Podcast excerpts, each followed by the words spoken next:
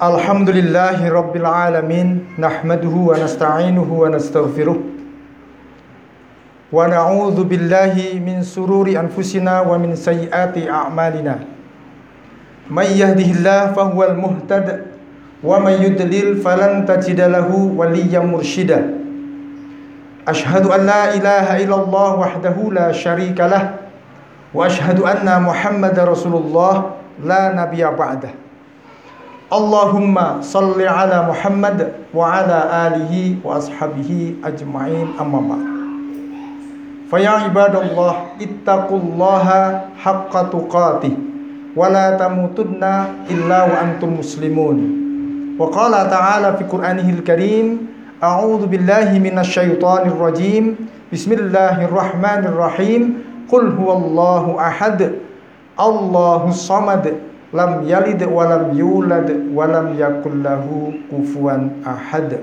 Sadaqallahul azim. Sidang jamaah Jumat yang senantiasa dirahmati Allah Marilah pada kesempatan siang hari ini Kita senantiasa meningkatkan syukur kita, iman kita, dan takwa kita semata-mata hanya kepada Allah subhanahu wa ta'ala Sudah sedemikian banyak nikmat yang diberikan Allah pada kita semuanya. Satu persatu tentu kita tidak bisa menghitungnya tapi Allah mempersilahkan kita. Kalau kita mau menghitung silahkan. Kita dipersilahkan oleh Allah menghitung-hitung nikmat yang dianugerahkan Allah pada kita semuanya. Tapi Allah sudah mengatakan wa in ta'uddu ni'matallahi la tuhsuha. Jika engkau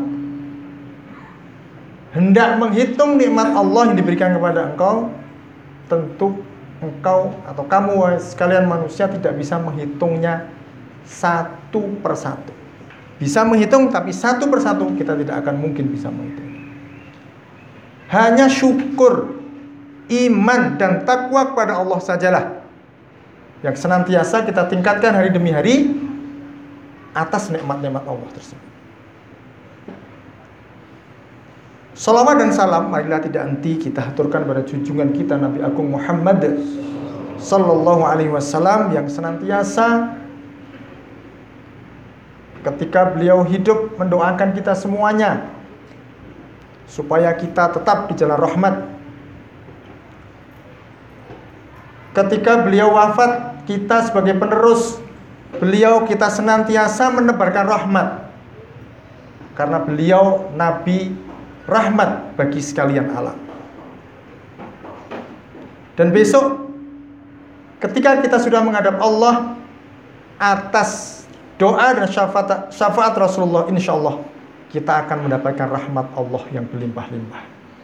Amin ya rabbal alamin. Oleh karena itu, marilah salawat, salam senantiasa tidak henti-henti kita haturkan pada Allah kepada junjungan kita Nabi Agung Muhammad Sallallahu Alaihi Wasallam. Jamaah dirahmati Allah, untuk siang ini marilah kita sedikit kita berpikir tentang kita sebagai manusia. Allah menekan, Allah sudah menegaskan di Al-Quran tentang kita, siapa kita sebenarnya. Allah mengatakan, A'udzubillahi minasyaitonirrajim. Walaqad karramna bani Adama wa hamalnahu fil barri wal bahri wa razaqnahum minat thayyibati wa faddalnahum ala katsirin mimman khalaqna tafdila. Surah Al-Isra 70. Di ayat ini Allah secara eksplisit, secara tegas mengatakan bahwa kami yaitu Allah telah memuliakan anak-anak cucu Adam. Di depan di awal ayat ini Allah mengatakan walaqad karramna bani Adam. Wa hamalnahum fil barri wal bahri kemudian anak cucu Adam ini mereka mengadakan perjalanan baik di lautan maupun di daratan. Mereka selain berpindah pindah mereka terpencar di seluruh bumi Allah. Warazaknahum minat dan kami beri rezeki kepada anak cucu Adam itu dengan rezeki yang toyibat, yang baik-baik. Karena mereka mau berpindah-pindah, mereka mau berpencar, mau mencari keutamaan yang ditebarkan Allah di muka bumi ini, bahkan di lautan. Di akhir ayat itu Allah sekali lagi menekankan di depan tadi sudah dikatakan karomna sudah dimuliakan di penghujung ayat wa faudolnahum ala kafirim mimman khalaqna tafdila. Dan aku lebihkan anak cucu Adam itu dari sebagian besar makhluk yang diciptakan Allah dengan kelebihan yang sempurna. Dua kali Allah menekankan posisi kita sebagai Bani Adam, anak cucu Adam, makhluk yang sempurna. Meskipun beberapa kelemahan Allah juga menyebutkan kita, tapi dengan kelemahan apa pun, posisi manusia di mata Allah, di antara makhluk-makhluk yang diciptakan Allah, manusia adalah ahsanul takwim, ahsanul ahsanus suar. Makhluk yang paling baik, paling sempurna di mata Allah di antara makhluk-makhluk yang lain. Tapi di sisi lain jamaah yang dirahmati Allah. Di dalam Al-Quran Allah uh, menginformasikan kepada kita ada sejarah manusia yang mengatakan ana rabbukumul a'la.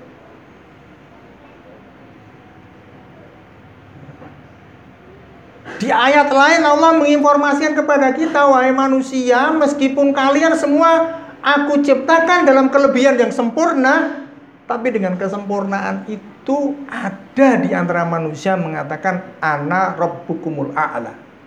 Dan itulah kata-kata Firaun.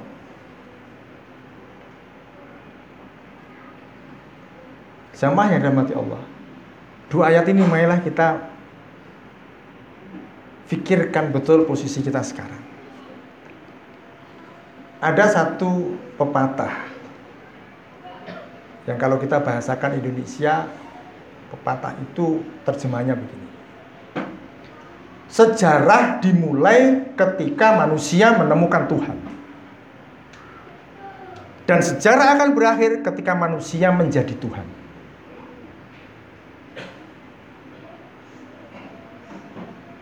Kalau pepatah ini kita kaitkan dengan ayat itu manusia sebenarnya sudah sempurna di mata Allah dan dia harus mengabdi kepada Allah tapi di ayat lain Allah mengatakan ada loh manusia yang mengatakan ana rabbukumul a'la. Dan kemudian kita kaitkan dengan pepatah itu, maka sebenarnya kita harus merefleksi diri kita, kita sendiri. Makna pepatah itu bukan berarti kemudian kita manusia ini menjadi Tuhan, betulan bukan. Sama seperti Fir'aun yang mengatakan ana rabbukum a'la. Bukan kemudian Fir'aun Tuhan, betulan seperti Tuhan yang yang azali Tuhan yang maha kuasa itu. Tetapi apa? Diri kita manusia menjadi penentu-penentu kebenaran sebagaimana Allah menentukan kebenaran. Kita merefleksi pada diri kita. Apakah kita sudah betul-betul terbebas dari apa yang sebagaimana diungkapkan Fir'aun ana rabbukumul a'la? Itu isyarat bagi kita. Janganlah kita semuanya seperti Firaun yang merasa dia menjadi penentu kebenaran bagi dirinya dan bagi orang lain. Tapi di balik itu Allah berpesan, ketika kita tidak diperkenankan menjadi penentu kebenaran karena itulah berakhirnya sejarah. Di balik itu Allah kemudian mendorong kita, menyuruh kita untuk apa? Untuk selalu kita berbagi, untuk selalu kita mengatakan bahwa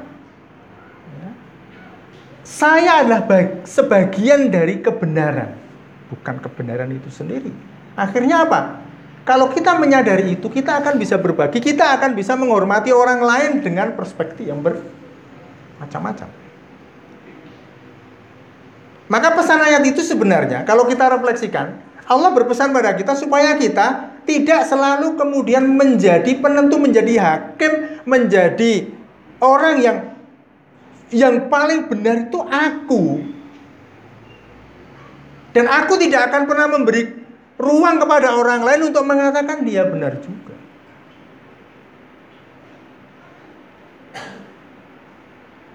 Kalau kita lihat kebiasaan ya kita semua yang di media sosial itu kan semua merasa menjadi Tuhan karena pembenarnya itu dia sendiri. Tidak memberi ruang pada orang lain untuk paling tidak bermusyawarah, berdiskusi untuk mendiskusikan persoalan, tapi ini yang benar. Kamar tabayun itu letaknya di situ. Dan ini dibangun dari persepsi kita tentang orang lain, tentang apa yang kita pahami seakan-akan yang paling benar seperti satu teori psikologi yang kita kenal dengan teori anggur masam. Digambarkan di situ satu buku yang utuh digambarkan tentang ciri seperti itu orang yang menjadi penentu kebenaran. Ada seekor serigala ketika dia ingin makan dia ingin uh, dia melihat anggur yang ranum yang sangat menyegarkan serigala ini melonjak-lonjak karena tidak sampai. Ya, loncat tidak sampai lagi karena terlalu tinggi. Loncat lagi tidak sampai juga. Akhirnya dia pergi dari anggur sambil mengatakan anggur itu masam. Padahal anggur itu manis. Tapi karena persepsi dia dengan ketidakmampuan dia untuk berbagi, ya, ruang berbagi, musyawarah berbagi, apa pun dengan yang lain-lain, maka dalam teori itu dikatakan semua dianggap tidak cocok dengan diri. Meskipun dia manis, katakan dia masam.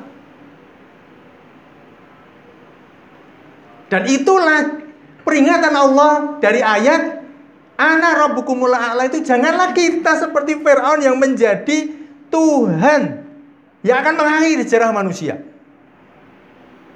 Ya sejarahnya sih sebenarnya tetap, tapi sejarah tentang relasi manusia dengan manusia lain itu akan berakhir karena ada judgement tertentu kepada satu orang, satu kelompok atau orang-orang di selain saya bahwa dia tidak berhak atas sebuah kebenaran. Dan inilah maratabayu.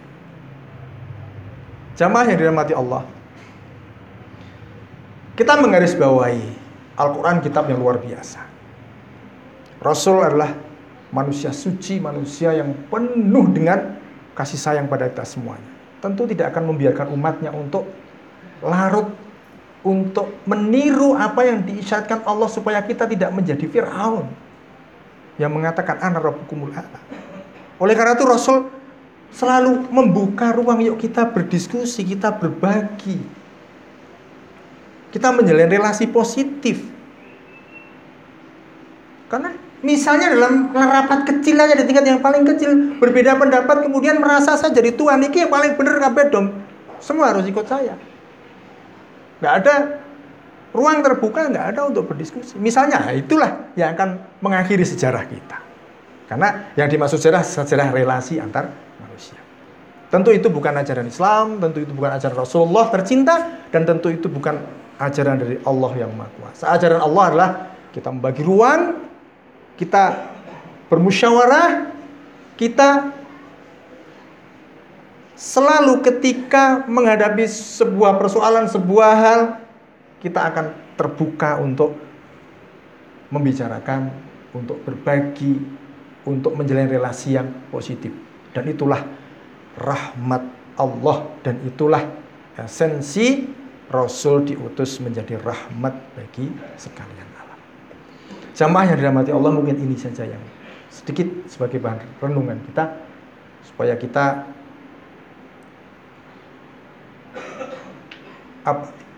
ketika memperhatikan sejarah Fir'aun kita tidak seperti itu. Rasul tidak menghendaki itu. Allah tidak menghendaki itu. Kita akan menjadi manusia yang mulia di hadapan Allah yang mendebarkan rahmat. Bukan sebagai manusia yang digambarkan Allah seperti itu. Barakallahu li wa wa jami'al muslimin. Astaghfirullahaladzim.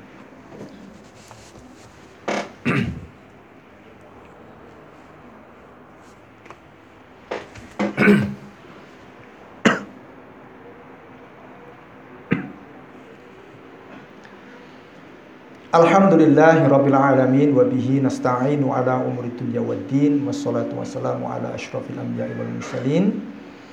Ashhadu an la ilaha illallah wahdahu la syarika lah wa ashhadu anna muhammadar rasulullah la nabiyya ba'dah. Allahumma salli ala Muhammad wa ala alihi wa ashabihi ajma'in amma ba'd. Jamaah yang dirahmati Allah untuk khutbah kedua ini marilah kita memanjatkan doa kepada Allah. Kita iktikadkan secara bulat hanya kepada Allah untuk selalu mengikuti Rasulullah yang penuh rahmat. Untuk selalu mengabdi kepada Allah Tuhan yang maha rahmat. Dan semoga Allah yang maha rahmat memberi kekuatan pada kita, membimbing kita untuk selalu berada di belakang Nabi tercinta Rasul yang suci sampai yaumil qiyamah. A'udzu billahi minasyaitonir rajim. Bismillahirrahmanirrahim. Allahumma shalli ala Muhammad wa ala ali Muhammad. Allahumma ighfir lil mu'minina wal mu'minat wal muslimina wal muslimat al ahya'i minhum wal amwat faya qadiyal hajat Rabbana atina fid dunya hasanah wa fil akhirati